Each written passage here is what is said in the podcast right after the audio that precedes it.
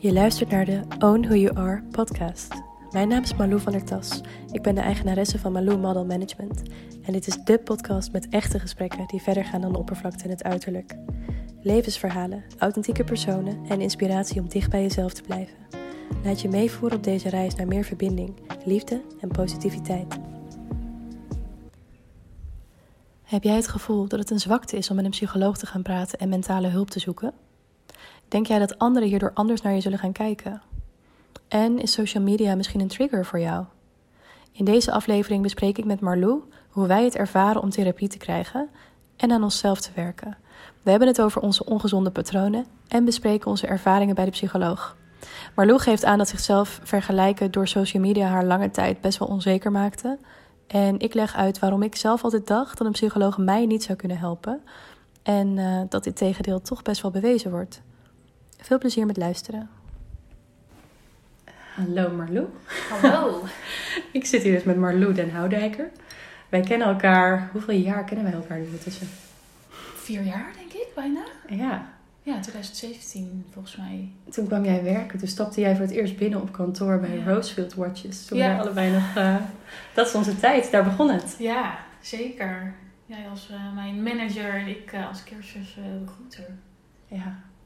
Het voelt alweer zo lang geleden, vind ik. Heel lang. Maar daarom ook wel weer heel erg leuk dat we elkaar gewoon nog steeds zien en spreken. Ondanks eh, alle hectiek Ja. in, eh, in onze levens. Ik vind dat dus heel bijzonder. Dat ik altijd, voordat ik ooit als, nou überhaupt een kantoorbaan kreeg, maar al Mhm. helemaal als manager ging werken, dacht ik altijd, oh dat is echt zo'n zakenwereldje. Ja. Waarbij je niet echt het persoonlijke mixt met het zakelijke stuk. En dat hebben wij denk ik heel anders ervaren. Ja, dat vond ik ook wel prettig. Want voordat ik bij Rosefield kwam werken, werkte ik altijd in retail, dus in de winkel. En ik wilde graag een kantoorbaan, omdat ik gewoon iets meer, eh nou ja, maandag met vrijdag, weekenden vrij, als er festivals waren, dat dat allemaal wat flexibeler was, zeg maar. Ja. Eh, maar toen dacht ik, ja, ik moet niet zo'n zo'n corporate Zuidas-baan, want dat is helemaal niks voor mij. Dus ik denk juist dat het wel heel erg fijn was dat we gewoon inderdaad heel menselijk en, en op een leuke manier, ehm, ja, mijn kennismaking met een kantoorbaan, zeg maar. Ja, was het Ja. voor mij ook. Ik ben daar toen natuurlijk ingerold door mijn stage en daarna ineens Ja. heel snel eh, op een positie gekomen waarvan ik dacht, oh geweldig en heel leuk, maar ik kan het niet meer allemaal alleen. Nee, Toen mocht ik iemand aan gaan nemen Ja. in het team. En toen kwam jij daar. dat Ik-. Jij hebt gesolliciteerd, volgens Ja, mij, hè? Ja, Ik weet nog mij was dat ik echt heel snel. Jij was heel snel, ja. En toen dacht ik nog, ik, ik maakte de opmerking, daar was toen de directeur Chris. Toen zei ik tegen hem, eh, ja, als het HR-team gaat bestaan uit Malou en Marlou, zou dat verwarrend zijn. Dat was het ook. Maar Maakt helemaal niks uit. Ja. Nee, ik weet nog hoe enthousiast ik toen was toen ik het gesprek met jou had gevoerd. ja, het was ook echt een leuk gesprek. Vond je dat? Ja, dat vond ik ook juist heel erg gewoon... Het was niet echt zo'n standaard sollicitatiegesprek van... eh, wat zijn je sterke en je zwakke punten en eh, dat soort dingen. Nee, hoe heb je dat ervaren toen? Ja, ik vond het heel relaxed. Ik had eerst wel een beetje hoe, hoe, hoe, zeg maar. Van, Ja. oh, wat, kan ik verwachten? Dat is natuurlijk altijd spannend. Want je bent ook wel in je achterhoofd van... eh, solliciteren waarschijnlijk veel meer mensen. En ik had Ja. toen echt nog niet zo heel veel ervaring. Dus, ehm, maar dat gesprek vond ik echt gewoon wel heel relaxed. Ja. In dat keldertje was dat toen. Ja, Wij werkten toen eh, op de Kerkstraat in Amsterdam. ja. Met meerdere En, eh, bedrijven in zo'n pand. Ja, Ja.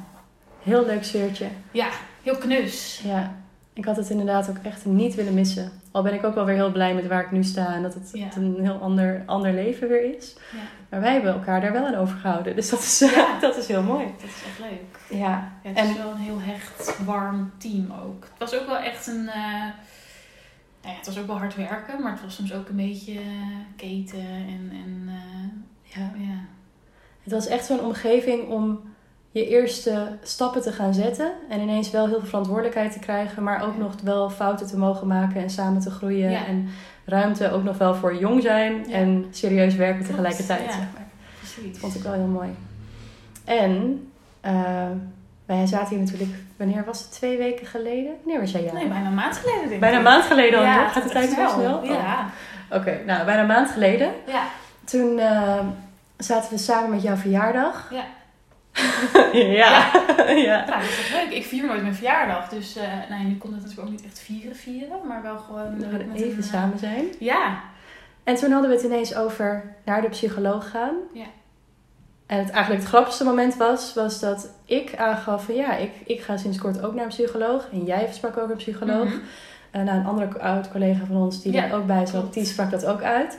Nou, dat was al iets van wow, aan een tafel met zo weinig mensen allemaal naar een psycholoog gaan. Ja. En wij kwamen erachter dat we gewoon naar dezelfde psycholoog gingen. Ja. Hoe dan? Hoeveel psychologen zijn er in Amsterdam? Nou, inderdaad. Maar het was ook echt dat we echt zoiets dachten van, hè? En Ja. dan, oh, dan ga ik denk ik naar mezelf. Oh, wat grappig. ja? Ja.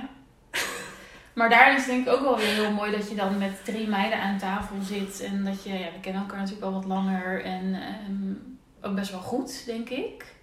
Ja, maar je denkt vaak dat je iemand best wel goed kent. Ja, dat is ook zo. En dan blijkt er dus toch nog zo'n laag onder te zitten. Want ik had bijvoorbeeld van de andere collega waar we toen mee spraken niet verwacht dat zij ook een heel traject bij een psycholoog had gehad en waar ze vandaan kwam en nu staat, zeg maar. Oh nee? Dat was, nee, dat weet jij denk ik meer, omdat Ja. jij altijd die gesprekken al meer met haar had. Hoe vond je dat om dat te horen? Als je misschien een ander beeld bij iemand hebt. Niet, niet Nou ja, heel positief eigenlijk. Ja, Want voor mij was, dat is dus ook weer een beetje het clichébeeld van dat je op de buitenkant afgaat. Ja. Eh, nou ja, ze is een hele mooie, succesvolle, in control type, zeg maar. En ik dacht dat ze dat eh, ook altijd wel was. Maar dat neemt niet weg wanneer je naar een psycholoog gaat. Dan ben je dat meer- niet. Ja. Dan ben je dat alsnog. Maar. Dat daar ook wel veel meer kwetsbaarheid en onzekerheden achter hebben gezeten. Waar ze gewoon keihard aan aan het werk is en was.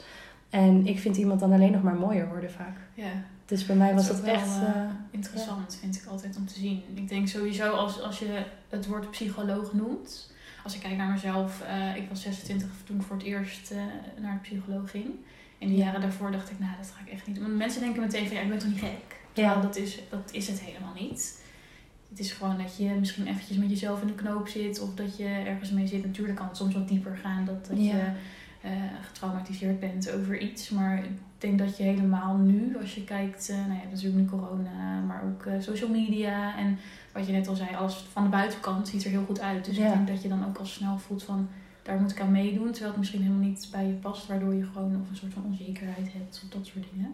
Voelde het voor jou dan eigenlijk alsof je pas op je 26e naar de psycholoog ging? Terwijl je net al eerder wel eigenlijk had gewild. Ehm, nee, terwijl ik heb er wel over nagedacht van, oh, ik ben nu 26 en ik ga eigenlijk, nou ja, nu pas. Ja. Maar ik was er ook toen wel echt klaar voor. Dat, ik denk dat je er ook wel voor open moet staan. Ik denk als je er naartoe gaat omdat iedereen het maar zegt. En dat je denkt, nou ik ga wel. Ja. Dan, dan, neem je het, dan sta je er ook niet voor open. En kijk, die, diegene zit er eigenlijk meer als een soort coachende rol. Van joh, weet je, waar heb je last van? Of waar loop je tegenaan? En dan ga je daar wat dieper op in. En bij sommigen komt het echt uit een opvoeding. Of misschien iets van school.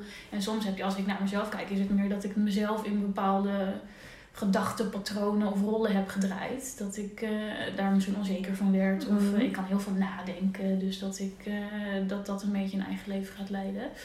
En die persoon zit er echt om meer handvaten aan, aan te bieden. ja. En ga er zo naar kijken. Of probeer het eens zo, waardoor je wat meer de rust in jezelf vindt. Maar dat is ook hoe je er nu naar kan kijken, omdat jij weet hoe het is om naar een psycholoog te gaan. En nu Ja. weet je dat die Ja, dat persoon is op deze manier werkt. En dat, dat het jou die houvast kan bieden eigenlijk. Ja. Terwijl de stap om naar een psycholoog toe te gaan, ja, dat is wel een dingetje. Ja, en ik denk helemaal als je dan ehm soort van, dat had ik wel, als je dan een soort van voor de deur staat. Ja. Zeg maar, die praktijk zat in een hele drukke straat in Amsterdam.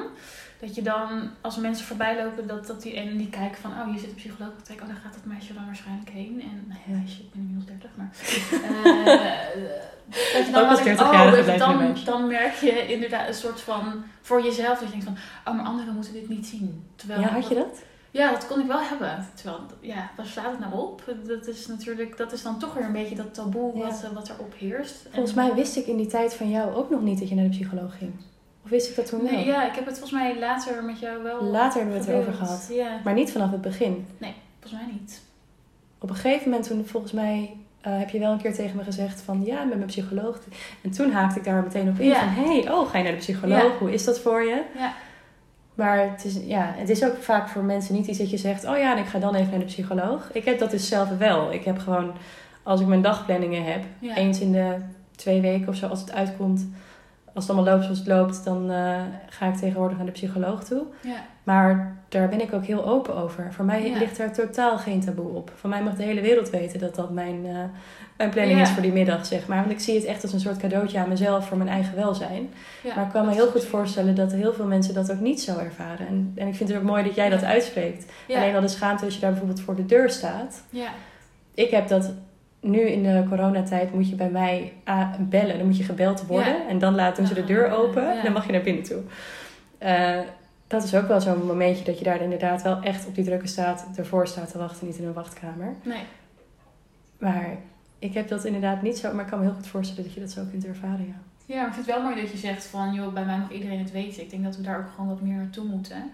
En dat er echt wel meer mensen naar een psycholoog gaan dan dat we in de gaten hebben. En dat het helemaal niet iets ergs is, maar wat jij zegt, juist iets moois. En meer een cadeau voor jezelf om... Kijk, het leven is, dat vind ik altijd heel stom klinken, maar het is één groot leerproces. Ja, absoluut. En eh, ik ben wel ook gaan inzien sinds ik bij een psycholoog ben geweest dat ik het ook heel erg mooi vind om juist ontwikkelingen door te maken. Door ook het lezen van boeken. Of als je misschien weer eventjes een soort van terugvalt.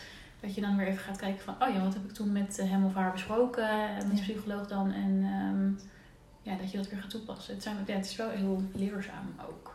En als jij zegt, als je voelt van, ik voel, val weer even terug. Wat, wat voel je dan? Of waar merk je dat aan?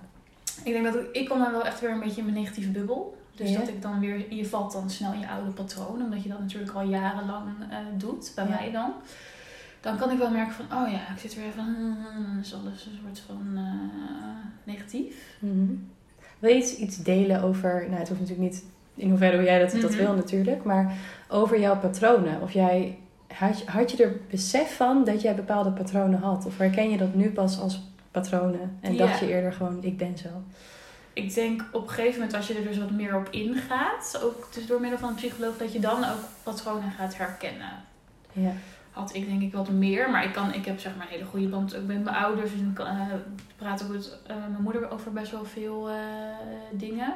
Dus zij kan dan ook wel zeg maar best wel weer een spiegel voorhouden van joh, weet je, even schop om je hol en weer door. Ja. Maar ik denk bij mij, nou, wat ik net al zei, ik kan heel erg denken. Dus dat kon bij mij heel erg een soort van eigen leven gaan leiden. Dus mijn zus die zei wel eens voor de grap van... Ja, jij bent echt zo'n type van... Ik ben nu een meisje, maar wat nou als ik een jong was geweest? Oh, nou, misschien had ik dan wel echt een kutleven gehad. Of ja, hoe had mijn leven er dan uitgezien, zeg maar. En toen keek ik er echt aan. Toen dacht ik, ja, jij bent echt niet goed. Natuurlijk denk ik niet zo. Maar toen ging ik daar dus over nadenken. Want dat- Ja. daar, kan ik, eh, daar ben ik heel goed in. En toen dacht ik, nou, het is wel zo. Of ze zei van ja, of het is van eh, ja, de zon sch- schijnt hier en maar wat nou als het in Zuid-Afrika regent? Oh, dat zou echt zo verdrietig zijn voor die mensen, want die hebben dus geen zon. Weet je wel? Nou, dat, ja. dat ik dacht, nou, dat slaat helemaal nergens op. Maar dus echt dat nadenken en dat, dat, ja, dat gaat er gewoon een beetje een eigen leven leiden. Dus wat ik ook bij mijn psycholoog heb geleerd is van joh, eh, gedachten zijn maar gedachten. Mhm. En die mogen er ook echt wel zijn, maar gooi ze ook gewoon weer eventjes soort van naast je neer. En dat is natuurlijk makkelijk gezegd dan gedaan als je helemaal in zo'n bepaald patroon eh, Ja. zit. Maar ik denk als je er gewoon dus wel zo naar gaat kijken en misschien ook dingen voor jezelf opschrijven. Bij sommige mensen helpt het ook. Dat je gewoon, eh, dat je het ook een soort van voor je ziet en dat je denkt, nou, dat is helemaal nergens over. Mhm. Dus ja, en ik denk ook wel een stukje van het mag er ook wel zijn. Dus niet dat je daarin heel streng voor jezelf bent. eh, want dan misschien helpt het je dan ook niet helemaal om juist die stappen te maken. Nou, ik denk dat het, de winst die je hierin al hebt behaald, is dat je jezelf, het, je realiseert wanneer je het doet. Dus Ja. je hebt meteen door, Ja. ik ben weer zo aan het denken en het helpt Ja. me niet. En dan kun je een soort van zeggen, stop, ik ga hier niet meer verder. Dat brengt je ook helemaal niks. Nee. Ja, hoofdpijn. Maar, eh, dus dat. eh, en ik denk ook wel kijkende naar eh, social media, dat je toch onbewust bezig bent met vergelijken. Dus Mhm. oh, die heeft dit en ik heb dat niet. En waardoor je dus, ik kon best wel een negatief zelfbeeld hebben, zeg maar van. Ehm, of ik was te dik, of eh, ik was niet knap genoeg, of weet je, dat soort dingen. Mhm. En als je dan heel erg... ehm, kijk, sommige mensen die zijn heel erg relaxed. En die denken ook, vind je, je kan het ook zien als een bepaalde inspiratie. Of Ja. ehm, het is ook leuk om, om naar, eh, te kijken naar wat andere mensen doen. Ja. Maar ik denk dat je ook heel snel dus inderdaad dat, gaat, dat vergelijkingen, die vergelijkingen gaat leggen. Van, oh ja, ik ben nu 30 en eh Truusje van 30 die heel veel volgers heeft. Die heeft al een huis gekocht en twee auto's voor de deur en een hond. En ik wil ook een hond, maar ik kan niet, want ik ben altijd aan het werk. Spreken. Dus ja, Ehm, terwijl dat slaat helemaal nergens op. Ik had laatst ook een, een, eh, een tekst gezien en dat stond van, er stond iets in van dat niks heeft een tijdslimiet. Dus je kan, één is op zijn dertigste is eh, CEO van een bedrijf en die overlijdt op zijn vijftigste. En de ander die wordt op zijn vijftigste CEO en die wordt negentig. En Ja, de een trouwt op zijn dertigste en de ander op zijn zestigste en de ander helemaal niet. Bij wijze. Dus er, er zit nergens een tijdslimiet aan. nee. Ja. Dat is ergens wel een soort geruststelling, vind ik, hè? Als je daar Ja. dan op die manier in kunt staan. Ja, en ik denk dat er ook gewoon best wel veel mensen het ook wel zo zien van ah, social media en, en ja, het is gewoon hangt er ook best wel een soort van iets, iets leuks aan, maar ook heel veel mensen zeggen van nou ja, of moet je die nou zien of die heeft dit gepost en dan denk je ja, dan moet je er ook gewoon niet naar kijken als je het Ja. niet interessant vindt. En dat is denk ik ook meer mensen die, die hebben een soort van natuur om een beetje te klagen en te vergelijken. En op het moment dat je jezelf enigszins onzeker voelt, is het heel veilig Ja. om dan maar te gaan klagen of een ander naar beneden te halen. Ja. En daaruit is het enige wat je kunt doen, dat is eigenlijk al de grootste spiegel die je, die Ja. je hebt. Waarom doe je dat eigenlijk? Wat heeft die ander waar je naar zit te kijken, wat jij eigenlijk gewoon wilt hebben? Want daarom irriteert het je toch? Ja. Het is toch vaak hetgene wat, wat de trigger is bij je. Ja, en dat is ook wel een goeie. Dat je gewoon inderdaad, dat heb ik bijvoorbeeld ook wel eens thuis. Als ik dan, ik, nu kan ik er iets beter tegen, maar ik kon vroeger heel slecht tegen kritiek. Want het is, dat was voor mij een soort van oh, fout. En ik, eh, nou, ik zei het net ook al eh, van, ja, ik kan, kan er helemaal niet tegen als ik fouten maak. Vind ik gewoon Mm. irritant en die ruimte is er niet en die voel ik niet. Ik moet alles gewoon goed doen. Ja. Dus als ik dan kritiek kreeg, dan was ik echt van, oh nee, want dat was voor mij een soort van falen. En dan kwam er Ja. een soort van muur omheen en dan ketste ik dat meteen naar die persoon terug. wa- Waardoor die persoon echt dacht van, nou, oké, de volgende keer moet ik eventjes iets anders zeggen tegen Mardoe, want eh, dit is niet helemaal leuk, zeg maar. Ja. Niet dat ik ga schelden of zo, maar dat ik gewoon, ja, dat ik echt dacht, oh nee, nee, het is niet goed. En nu heb ik dat als ik dan bijvoorbeeld met mijn vriend, ik woon met mijn vriend samen en als hij dan iets zegt, dan ehm, kan ik nog steeds, wat je het hebt, kan ik het een beetje van nee, en jij dan, en eh, dat ik het meer naar hem toe draai, zodat Ja. ik niet naar mezelf hoef te kijken. En hij zegt ook van spreek je gewoon eens uit, van joh, weet je, ehm, je kan ook zeggen van joh, deze opmerking vond ik niet heel erg fijn. Of ja, je zei nu net dit, maar eh, wat bedoelde je daar eigenlijk mee? Want Ja. ik zie het nu zo, dus ook daarin leer ik van ik moet mezelf veel meer uitspreken. Want ik kan heel erg dingen laten opkroppen. En dan op een gegeven moment, nou, als dan de laatste druppel de doet overlopen, dan is het, eh, ja, is het de zonneschijn en niet in huis. Dan begrijp ik dan eerder dat je dus liever een soort van dan de schuld maar bij de ander gaat leggen en niet naar jezelf gaat Ja, kijken. In gewoon- plaats van dat je naar jezelf kijkt Ja. en denkt, wat voel ik nou eigenlijk? En wat raakt mij? Ja. Dan kan ik dat niet gewoon bespreken. Dus ook inderdaad, ehm, niet, dat heb ik ook al eens tegen hem gezegd, van ja weet je, sorry dat ik net eh, zo lullig deed, maar daarin wil ik gewoon niet naar mezelf kijken. En dat Ja. moet ik juist wel doen, want dan gaat het juist spelen. En ook heel erg conflict, eh, conflictvermijdend. Ik vind het echt niet eh, confrontaties en discussies en nee. Terwijl je dat dus eigenlijk juist realiseert. Hè? Op het moment dat jij de schuld aan een ander gaat geven, terwijl het eigenlijk aan jou ligt of iets, iets Ja, dan krijg je de juist. grootste confrontatie. Want dan Ja. krijg je juist de ander die denkt, sorry, maar wat is er mis met jou? Waar, waar komt het ineens vandaan? Ja, ja, en dat is ook op een gegeven moment wat je gaat realiseren. Dat had ik tenminste toen ik bij mijn psycholoog zat.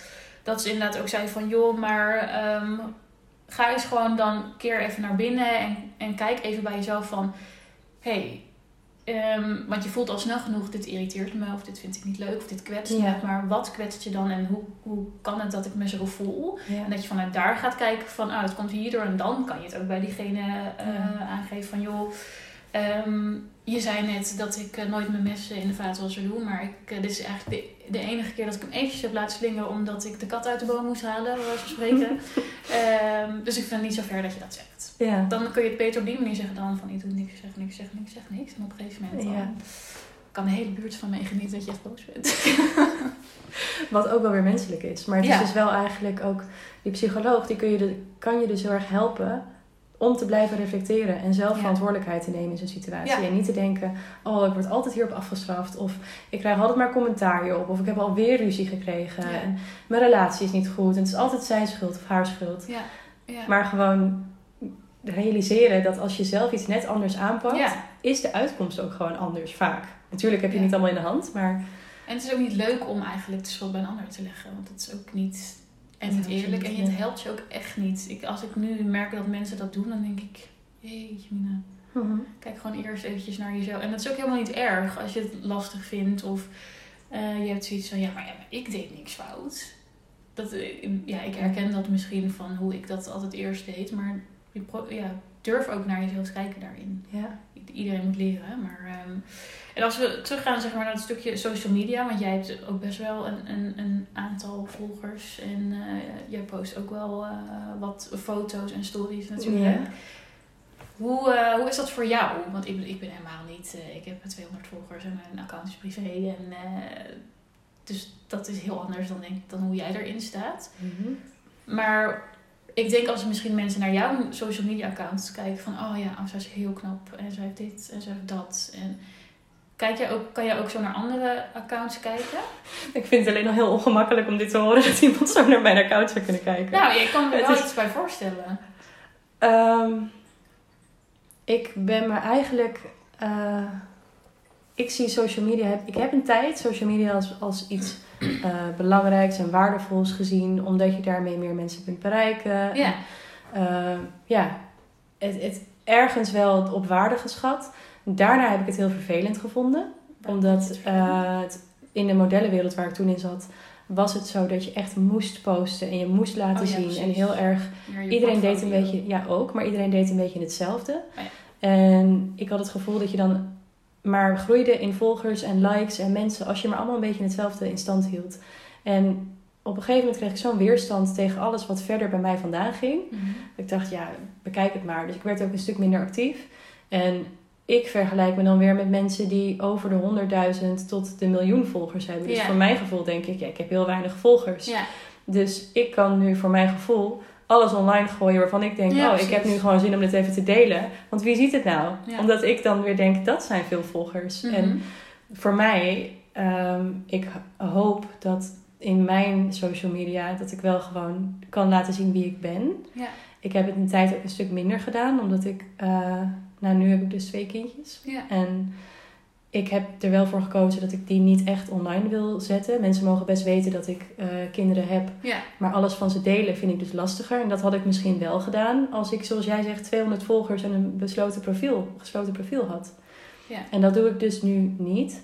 Omdat ik niet weet wat de lange termijn effecten daarvan zijn. En ook wil dat zij gewoon de kinderen kunnen zijn die zij zijn. Ja. Maar ik realiseer me wel dat bij elk ding wat ik online zet, kunnen mensen een mening gaan vormen. En daar was ik eerder, denk ik, gevoeliger voor dan dat Mhm. ik dat nu heb.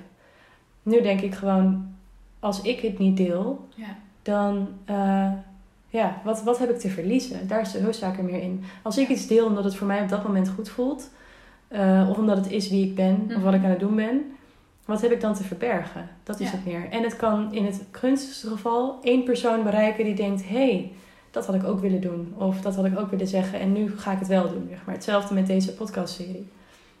Ja. Denk ik ook, als je maar gewoon één persoon er iets uit kan halen en die denkt: hé, hey, het mag er wel zijn. Of ik kan dit wel doen. Of Mhm. ik ben wel goed genoeg. Ja. Of eh, ja, dat is dan, dan is voor mij het eigenlijk al de winst al behaald. ja. Dus ik kijk denk ik heel anders naar social media. Dus Ja. Ik zie het meer als mogelijkheden. En mogelijkheden om te verbinden. En eh, ja, Dat is eigenlijk ook hoe het zou moeten zijn, denk ik. Ik denk dat het juist mooi is als je bepaalde inspiratie ergens uithaalt. Of eh, hetzelfde als mensen die zeggen van ja, maar zij is echt alleen maar aan het sporten en dat posten. Want het is wel gewoon, zij wil daarin ook mensen motiveren, Mhm.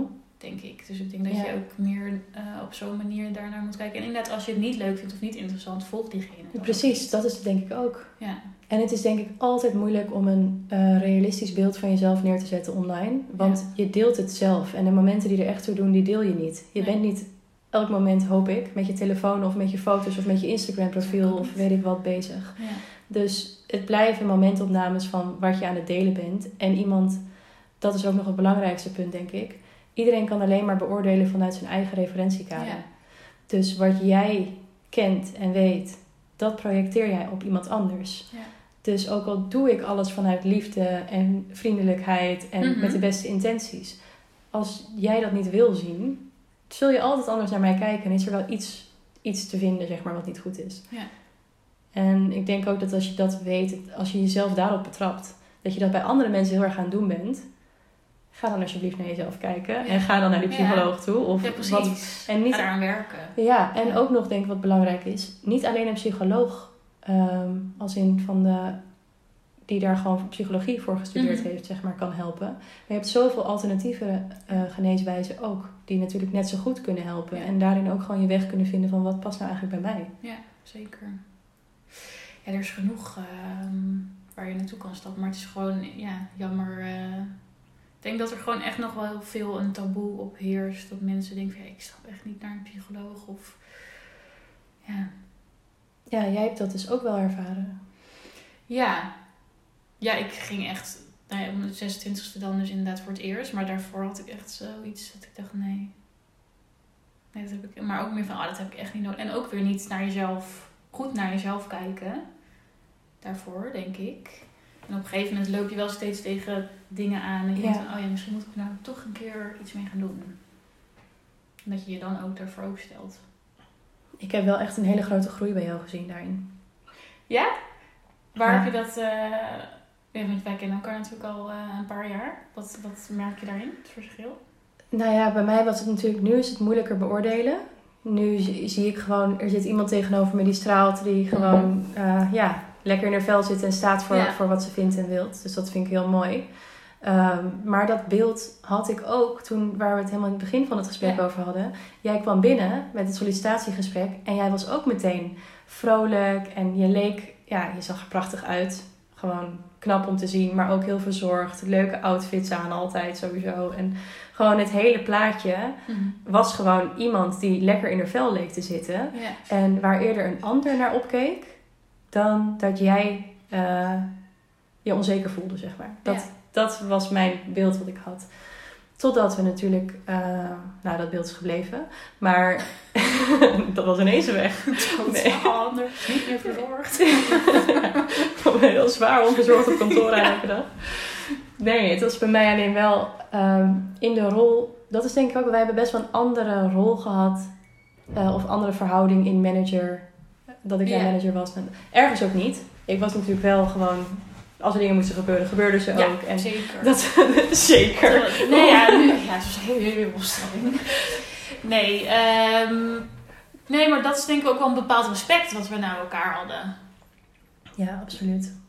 Maar het was ook wel dat als wij, volgens mij hadden we wekelijks, sowieso wekelijks een moment dat we eventjes doornamen van hoe gaat het nou eigenlijk? Ja. En dan Ja, was het natuurlijk gericht op hoe gaat het met het werk, hoe sta je ervoor, lukt het je allemaal, heb je iets van mij nodig?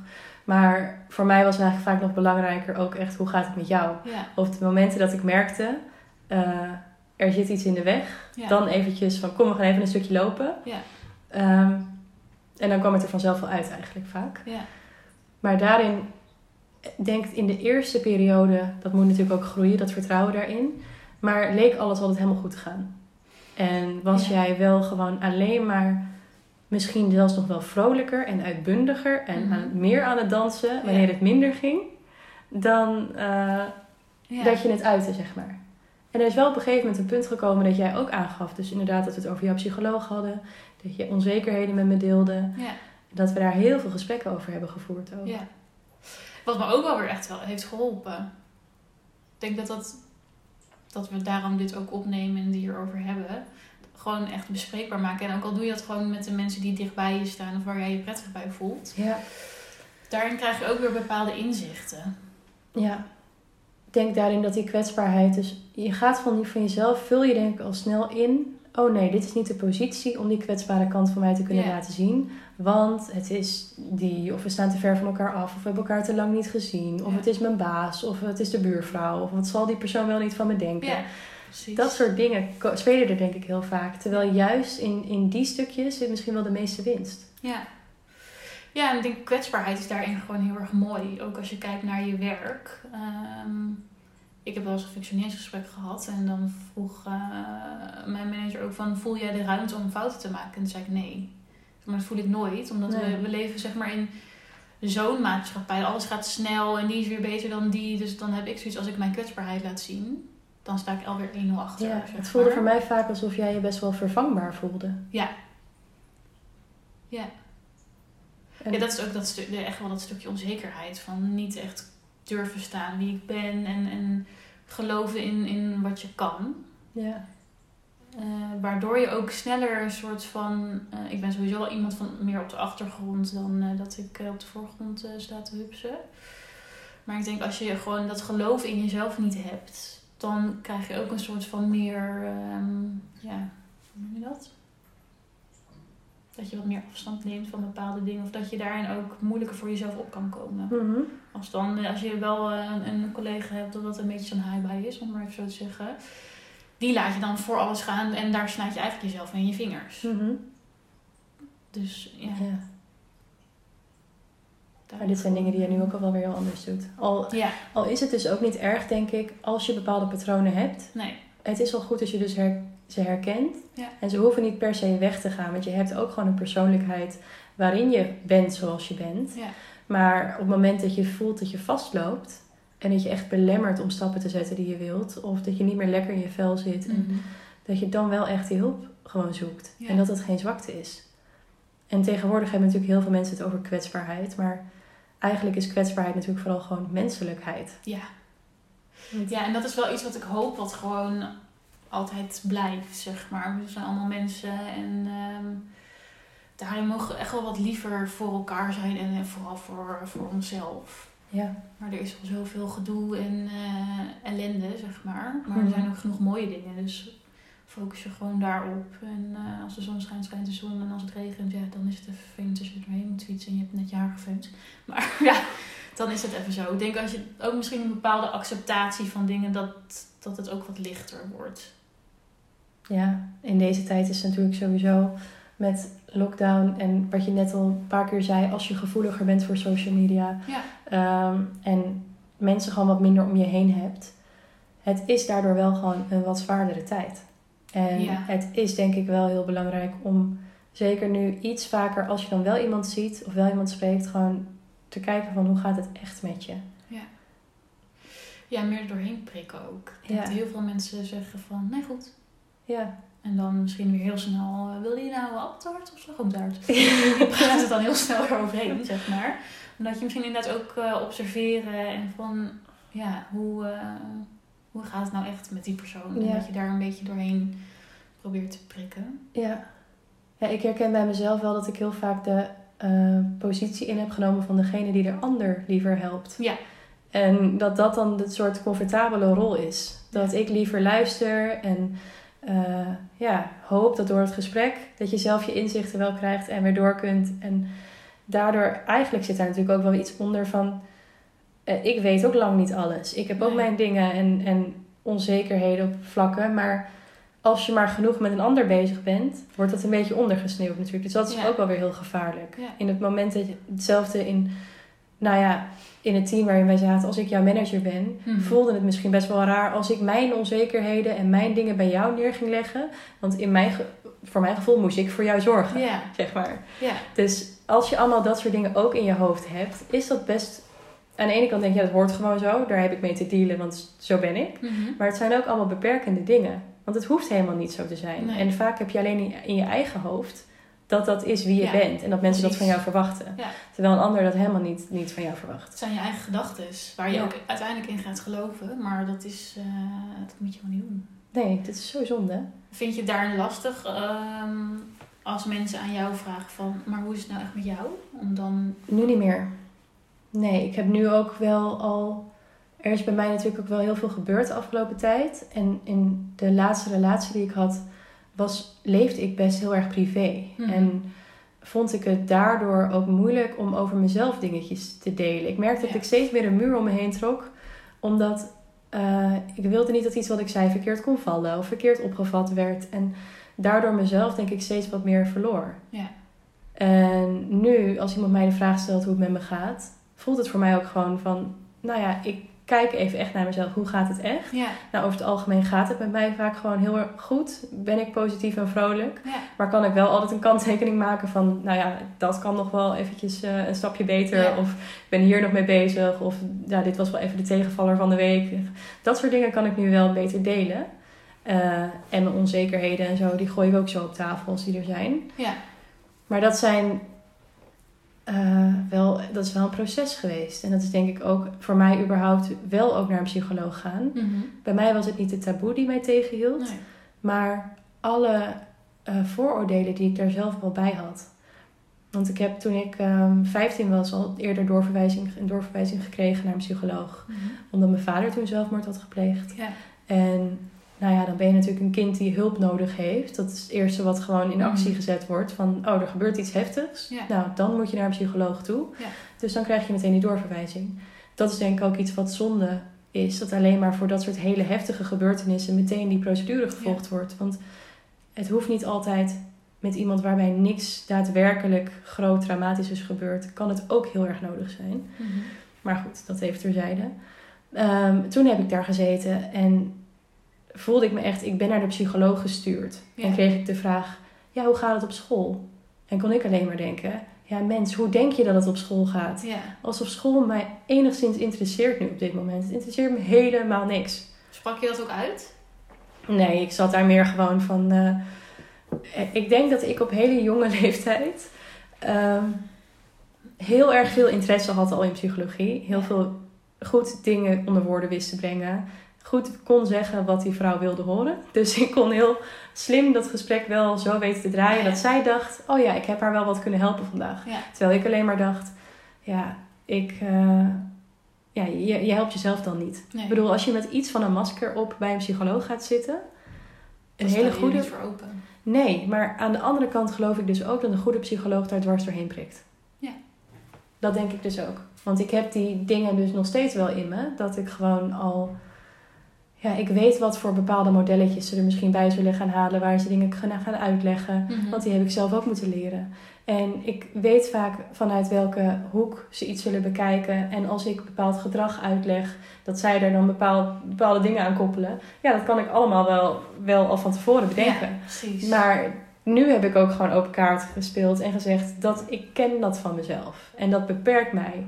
Want ik wil juist wel hulp kunnen krijgen. Ja. En ik wil juist wel dat je verder gaat kijken en daar dwars doorheen prikt. En waar zit, weet je ook van jezelf waar die blokkade hem in zit, zeg maar? Ehm, die blokkade bedoel je als in Dat, dat jij het zeg maar dan weer een beetje zo kan draaien. Dat ja, controle. Ik denk dat ik dan gewoon toch de controle op het gesprek hou. Oh ja. En ongemak, omdat het gesprek dan om mij draait. En dat is ook iets waar ik heel erg doorheen moest nu. Ehm, toen heb ik dus eigenlijk de conclusie getrokken: een psycholoog is niks voor mij, het helpt mij niet. En Mhm. ben ik zelf keihard aan het werk gegaan. Ehm, en eigenlijk nergens last van gehouden, dacht ik. Tot nu weer nieuwe dingen op mijn pad kwamen. En ik Ja. toch dus ook bij mezelf van die patronen ging herkennen die me gewoon niet helpen. Weer op andere vlakken dan jij, maar wel denk dat iedereen daar dingen in heeft. En ik ineens bedacht van, het zou wel heel goed voor me zijn. En gelukkig ook mensen om me heen had die zeiden van, alles wat je nu meemaakt Ja. in zo'n korte periode, dat is echt niet niks. Praat daarover, want anders ga je die klap nog krijgen. Wat trouwens ook iets is. Mensen die maar blijven zeggen, je gaat die klap nog krijgen. Ja. Dat werkt ook niet mee. Dan denk ik, je moet ook het vertrouwen houden dat je het wel allemaal aan kan. En tussendoor gewoon alle maatregelen nemen. Zoals aan jezelf denken en tijd voor jezelf inplannen. Wel gaan praten met iemand. En ik denk dat je dan helemaal die klap niet per se hoeft te krijgen. Dat het niet een standaard gevolg is van de ernstige dingen die je meemaakt. Nee. Dus ik denk ook dat dat wel een, wel een belangrijk punt is. Maar ik heb toen wel de keuze gemaakt van, ik ga er nu wel voor. En in mijn hoofd zat, dat moet dan een oudere man zijn. Oh ja, dat zei je inderdaad. ja. Ja, gewoon omdat ik dus waarschijnlijk eerder een vrouw eh, als psycholoog heb gehad vroeger. Dat werkte niet. En het beeld bij mij altijd, ik, over het algemeen praat ik graag met mannen. Ja. Eh, heel veel denkbeelden komen overeen. En Ja. ben ik ook best wel een beetje ja, gevormd doordat ik denk dat die dan ook bepaalde wijsheid en andere Mhm. invalshoeken kunnen geven aan mij in plaats van een vrouw. Dus nu dacht ik, dit is weer zo'n beperkende Ja. eh, overtuiging van mezelf. Weg ermee. Ik ga gewoon op zoek naar een vrouw. Maar ook knap dat je dan ook die, eh, die keuze maakt. Dat je misschien een soort van jezelf ook het tegendeel wil bewijzen. En denkt van, nou weet je, Ja. een vrouw kan mij ook gewoon verder helpen. En Ja, daar is het eh, denk ik ook wel heel belangrijk dat je gewoon echt een klik hebt met je psycholoog. ja. Nou, het is wel grappig dat wij dus... Ik ben dus toevallig bij dezelfde uitgekomen als jij. Jij hebt dus hoeveel jaar heb jij? Of nou, hoeveel? Ehm, ik heb toen een aantal sessies gehad op mijn 26ste. En vorig jaar nog een aantal eh, sessies bij haar gehad. ja. APK-keuringje. ja, goed dat je het... Want eigenlijk moet je het dus gewoon zo zien. hè? Ja, ja. En het is altijd, het is, ja, ik vond het weer, heel erg prettig. Want ik weet nog de eerste keer dat ik dan vorig jaar daar weer kwam. En zei ze, hé, hey, daar ben je weer. Dus ehm, je hebt ook meteen weer een beetje, had ik wel weer dat vertrouwde gevoel. ehm, omdat ik met haar wel ook die klik voelde. Ja. Is dat wel heel erg belangrijk. Ik denk dat sommige mensen ook van ja, ik weet niet of hij of haar eh, of zij mij, eh, mij verder kan helpen. Dan vind ik het ook belangrijk dat je daarnaar kijkt en misschien toch verder gaat zoeken naar iemand Ja, wie je een klik hebt. Ja. Maar eh, ik vond met haar werken wel heel erg prettig. Ja, Ik ben bij haar dus maar twee of drie keer geweest. Omdat ze toen daar uiteindelijk wegging. Ja, Ehm, maar het, was, het heeft bij mij eigenlijk wel meteen dat stukje weggenomen van een vrouw kan daarin net zo waardevol zijn. Ik vind het ook heel lullig als ik dit uitspreek alleen hoor. Zo, tuurlijk kan een vrouw waardevol zijn. ja maar snap maar wel. het is, ja. dat zijn dus gewoon van, die, dat is bij mij nu wel daardoor weggenomen. ja. En het zou nu niet betekenen dat ik per se mijn keuze zou maken dat ik altijd nu naar een vrouw ga. Maar gewoon dat dat stukje in ieder geval Ja. niet meer uitmaakt. Ook weer een overwinning eigenlijk. Ja, het is wel een overwinning. Ja. En überhaupt nu erachter komen dat ik nog steeds dus dezelfde psycholoog aan het uithangen ben. Ook in een gesprek met mijn psycholoog. Mhm. Maar dat nu aangeeft, waardoor zij... ehm, ja, ze weet dat dan. En kan er Ja. gewoon op een andere manier haar vragen stellen. En op een andere manier... Ik, ik kom meer heel erg gericht daar nu met een vraag. Dus ik ga daar zitten en ik vertel wat er speelt. En dan kom ik met een gericht een, een vraag of kwestie van... Ik wil het hier graag over hebben. Want ehm, ik kom er niet helemaal uit en ik wil een objectieve mening. Eh, en een mening geeft een psycholoog vaak denk ik niet echt. Nee. Maar wel samen een soort van kunnen sparren. Dat is iets wat ik er wel fijn aan vind. Maar ik ben er nog lang niet. Want ik weet niet of ik dat ook ga vinden nu hier. Maar ik heb wel iemand nodig die echt diep naar het verleden wil gaan kijken bij mij. En Ja. mij wil gaan soort van uitzoeken wat zit er nog meer onder. En waar komen dingen vandaan. Want er zit zoveel volgens mij. En heb je daar zelf een, een idee of idee, een beeld bij van joh, eh, misschien komt het daar vandaan? Want je hebt inderdaad op jonge leeftijd ook nou ja, wel wat meegemaakt natuurlijk. Als je Ja. eh, vader op jonge eh, leeftijd verloren. Ja, ik denk een opstapeling van heel veel dingen die wel gebeurd zijn. En vanaf dat mijn ouders gescheiden waren toen ik zeven was, altijd het gevoel gehad dat ik wel al volwassen moest zijn en het bij mij altijd goed moest gaan. Ja. Want er speelde al genoeg. En ik denk dat tot op die leeftijd dat dat er Ja. al in zit. Dan hou je dat je hele leven vol. En dat is hetzelfde bij de psycholoog. Mijn eerste afspraak voel- ging ik daar weg. En vond ik het ook heel erg gek voelen dat het hele gesprek om mij had gedraaid. Ja. Dat ik nog bijna niks van haar wist. Dat is het hele principe van naar een psycholoog gaan. Ik ben Ja. geen sollicitatiegesprek aan het voeren, dus ik hoef echt niet te weten hoe haar leven eruit ziet. Maar pas aan het einde, toen zij dus eh, stopte en ik naar de volgende ging, Mhm. en ik iets meer over haar leven ook hoorde. En Ja. toen dacht ik, oh ja, nee, nu voelt het wel goed. Nu heb ik het idee dat we wel weer wat meer Ja. eh, gelijk opgaan. En dat is denk ik wel een patroon wat er misschien al, al langer in zit. En eh, ja, of het slecht hoeft te zijn, weet ik ook niet. Nee. Zo ben je misschien ook gewoon. Ja. Maar ik vind het wel grappig om dat, om dat te merken. En ik denk wel dat er gewoon veel dingen zijn die. Ja, ik kan heel goed bij mezelf kijken wat er nog allemaal niet helemaal lekker zit en waar ik wat aan wil doen. Maar ik denk dat een ander dat toch nog even beter kan. Iemand die gewoon daarvoor geleerd heeft of een bepaald gevoel heeft wat gewoon extra ontwikkeld is. Die dat gewoon echt jou even Ja. helemaal uh, uitluistert, zeg maar. Ja. ja. Dat lijkt me Ja. wel lekker dat iemand dat echt. En dat is in, vind ik wel weer lastig bij de psycholoog. Die is soms gewoon, je hebt drie kwartier. Ja. En ja, gooi het maar even op tafel en je ziet elkaar na een tijdje weer. Ja. Je moet wel echt zelf ook het werk doen. Zeker. Ja, ik weet nog de eerste keer hoopte ik echt dat zij gewoon een knopje vond en dan klik, nou, klaar, doei. Ja. Maar zo werkt het niet. Het is echt wel, ehm, het is hard werken, maar eh, dat is ook wel echt heel leuk. Vond ja? ik. Ja, ik vind het dus mooi dat je het. Ik Ja. vind het namelijk ook. Ik, ja, Ja. ik vind het ook heel Het is leuk. heel interessant en ik heb ook wel echt meer interesse gekregen in ook psychologie of het coachen van mensen. Of, ik spreek natuurlijk eh, ook heel veel mensen eh, op werk. Ja.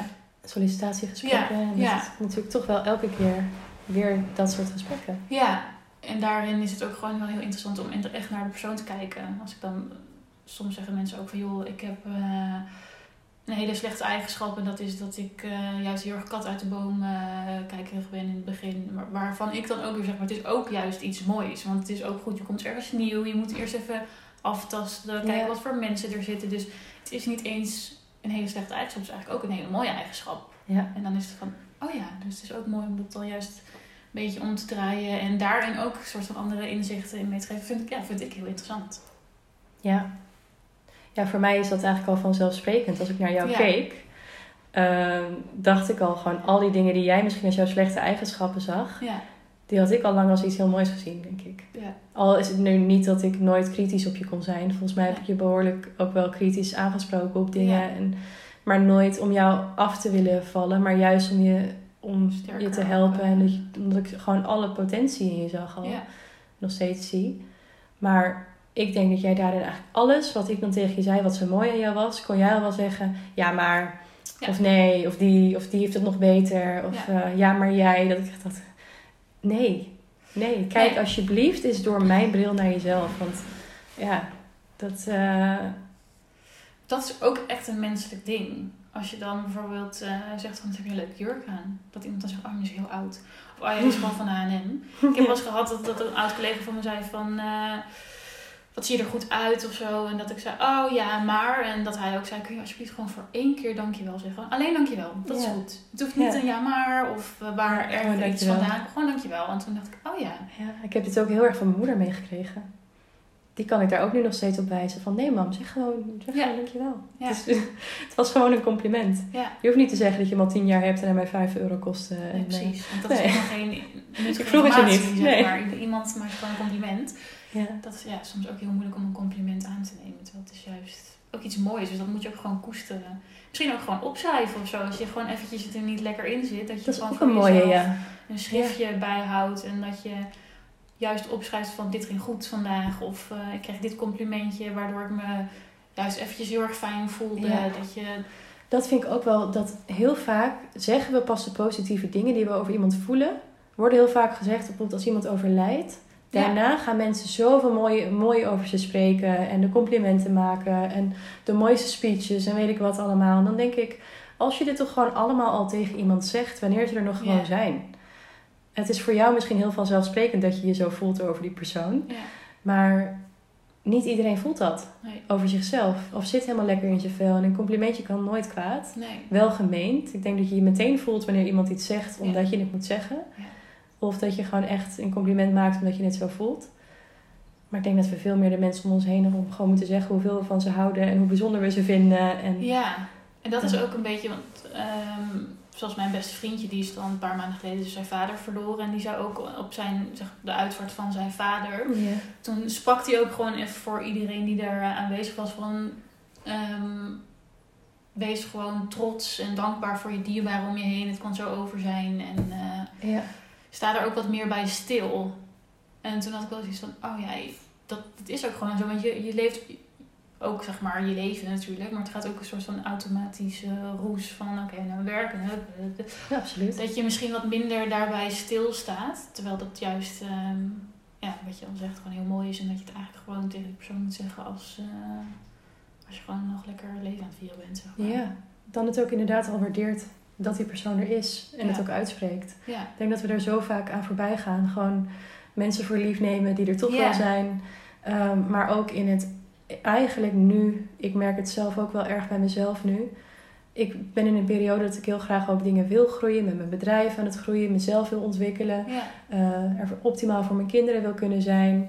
Eh, zo graag alles uit het leven willen halen. En ik denk dat we dat allemaal op een bepaalde mate wel willen. En dan eigenlijk heel vaak erbij stil moet staan van, maar wanneer is het dan eigenlijk genoeg? Mhm. Op het moment dat je een bepaald doel hebt behaald, is dat dan genoeg? Ehm, en ja. ja, dat, dat is denk ik ook iets wat een heel ongezond denkbeeld is, wat we nu in onze maatschappij ontwikkelen. Aan de ene kant is die ambitie en die groei en het aan jezelf werken prachtig. Maar ook gewoon het, het is genoeg. Juist die momentjes dat jij misschien, je vriend komt uit zijn werk en je praat even over de dag. En ja. je gaat een heel simpel maaltijdje eten, want je hebt allebei geen zin meer om te koken. En je ploft samen op de bank. En dingen waar dan wordt gezegd van, oh ja, maar dat is saai of daar wil je niet in vervallen. Nee, juist dat is prachtig, toch ook? Ja, maar dat is Ehm. ook wel grappig dat je dat zegt. Want ik heb dat dus ook van ik wil een huis kopen en ik wil een auto en ik wil dit en ik wil dat. Dat mijn vriend ook zegt van dat maakt jou heel mooi, want je hebt echt een bepaalde ambitie. En dat je dat ook echt wil, waardoor ik wel minder stilsta bij wat ik nu heb. Ja, omdat je zo erg bezig bent met de toekomst, waardoor je minder in het moment leeft. Wat eigenlijk heel zonde is, want hij zegt ook dan kijk eens om je heen wat we nu hebben. En denk ik, oh ja, dat is echt fantastisch wat we nu hebben. Ja. En daarin ook gewoon wel een beetje een soort van controle willen hebben. Ik ben heel erg van opruimen, schoonmaken. En zoals dan jullie een maand geleden uh, mijn verjaardag kwamen vieren, moet alles Mhm. zeg maar netjes en schoon. En dan kan ik echt een beetje uh, soort Ja. geprikkeld zijn. Omdat ik wel wil dat iedereen denkt van, oh wat lekker.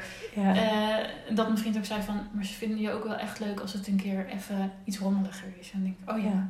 Dus het zijn ook heel veel controle dingetjes, denk ik, waar je ook een soort van juist in groeit, wat je ook wat meer los moet Ja, meer relaxen en loslaten Ja. er ook in. Ja, ik vind die, zelf die balans daarin soms wel best wel lastig hoor. Aan de ene kant, is dus ook. je wil dus ook... Het voelt heel goed om te groeien en Ja. bezig te blijven en vooruit te kijken. Maar het is ook wel echt gewoon zo belangrijk om, om stil te staan bij... eh, ja, wanneer dat punt eigenlijk bereikt is, wanneer het genoeg is. Ja. En gewoon voelen, het is al goed genoeg. Ja, juist. En ook gewoon misschien dankbaar zijn of zo. Weet je, het is ook heel bijzonder dat je gewoon iedere dag naar je werk mag. En dat je gewoon kan lopen, zien, ruiken, voelen, horen. Ja, ik heb dat inderdaad ook als ik wakker word. Dan denk ik, yes, ik mag weer vandaag. Ja. Maar dat is ook de goede instelling. Ik bedoel, eh, eigenlijk moet je gewoon van iedere dag een feestje maken. Maar omdat je zo ook in een soort van automatische piloot, denk ik, zit. Want ik moet vijf Ja. dagen in de werken, dan heb ik weekenden. Het is ook vaak van, oh, het is, oh, het is eindelijk vrijdag. Weet je wel, Ja. dat ik denk van... Ja, dit gevoel ken ik dus al niet meer. Omdat ik nu al zo'n tijd mijn eigen bedrijf heb en mijn leven in, heel anders heb ingedeeld. Voor mij is er geen verschil meer tussen een vrijdag, zaterdag, zondag, maandag. Nee, en dat zou er ook niet echt moeten zijn, denk ik. Ik denk als je... Ik heb nu ook hoor, voor het eerst, als het dan maandag is, dan denk ik, ah, het is maandag. En dan dacht ik, gaat voor moet ik weer werken. Vind ik het, ik vind mijn werk gewoon echt heel erg leuk. Dus dan denk ik, Ja. ja. nou, ik mag weer. Ja, En dan krijg ik daar, je krijgt er ook energie van. Ik denk dat het ook heel erg mooi is dat je gewoon mag werken. Ja, en, maar denk ik eh, ook omdat je dus lekker in je vel zit. Dat dat Ja. ook wel meespeelt. Want als je gewoon niet zo lekker in je vel zit, voelt alles ook meer als een opgave. Ja. En dan kun je wel denken, ja, ik mag weer werken. Dan kun je wel je beseffen van, ik ben blij met mijn baan. Ja, Maar als je je niet energiek voelt of, of weet ik wat voor Ja, iets, dan, dan is het natuurlijk ook al wel moeilijker. Dus ik denk heel erg dat het een soort cirkeltje is waar je in zit. ja, En balans tussen verschillende vlakken in je leven.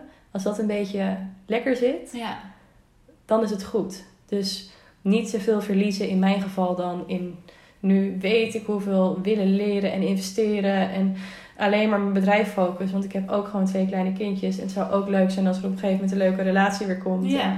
En, eh, ik mag ook gewoon af en toe een keer helemaal niets doen. Eh, zeker. ja, Dat is goed. dat is ook belangrijk. Ja, en bepaalde cirkeltjes gewoon doorbreken, hoe moeilijk dat ook is. Maar Ja. daarin wel gewoon dicht bij jezelf blijven en inderdaad meer stilstaan bij van hé, hey, wat voel ik, waarom voel ik me zo? En Ja. Ben jij goed in voelen?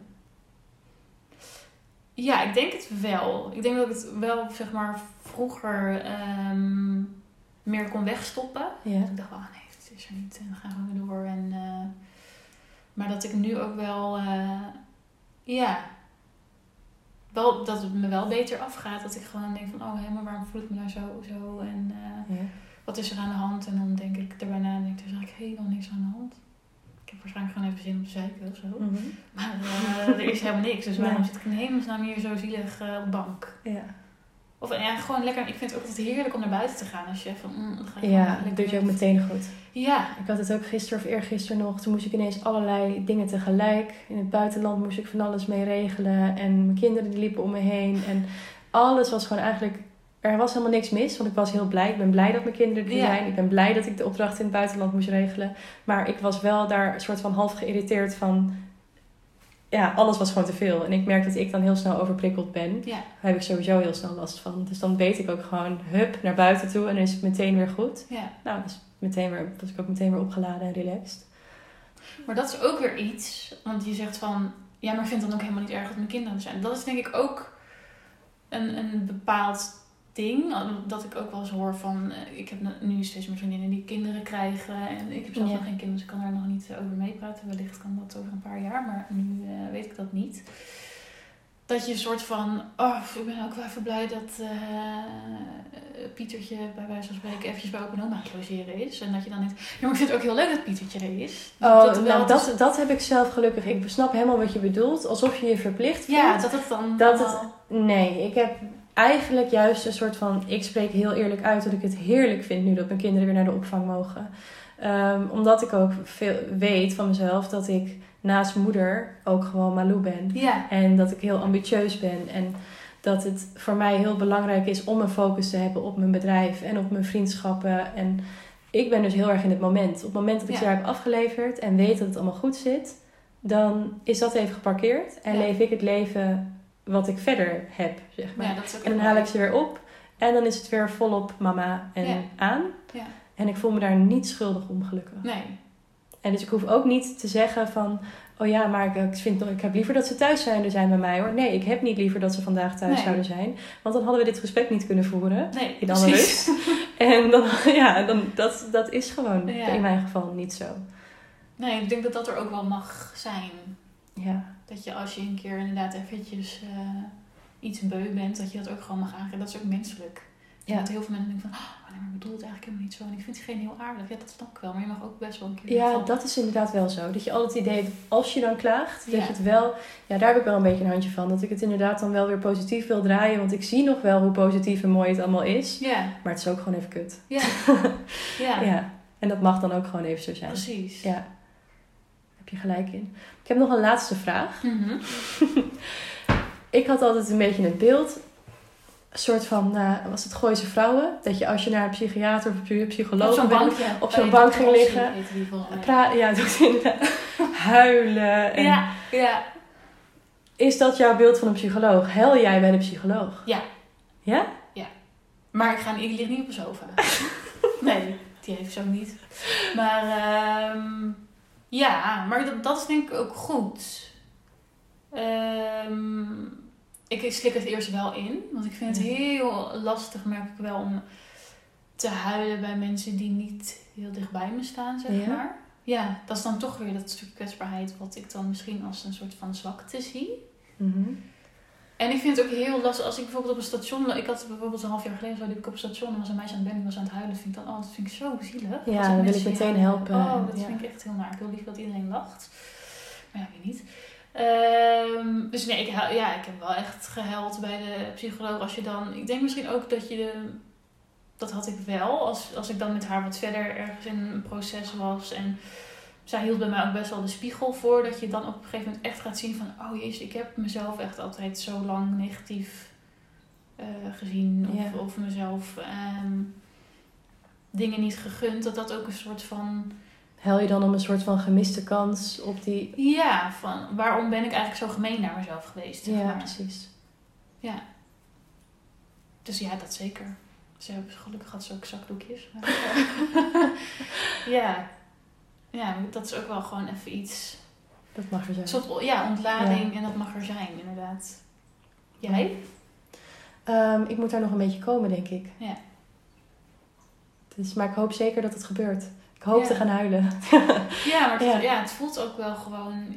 Op het moment dat je het dan... Tenminste, dat- heb ik. Als ik het dan voel aankomen, denk ik... Oh, nee, nee, nee. Maar dan denk ik van... Ja, ik ben hier ook met een reden om Ja, van mezelf te werken. Ja. En het is lijkt me zo bevrijdend dat dat dan wel ook allemaal opengegooid wordt. Ja, Ja. precies. Dus ehm, ja.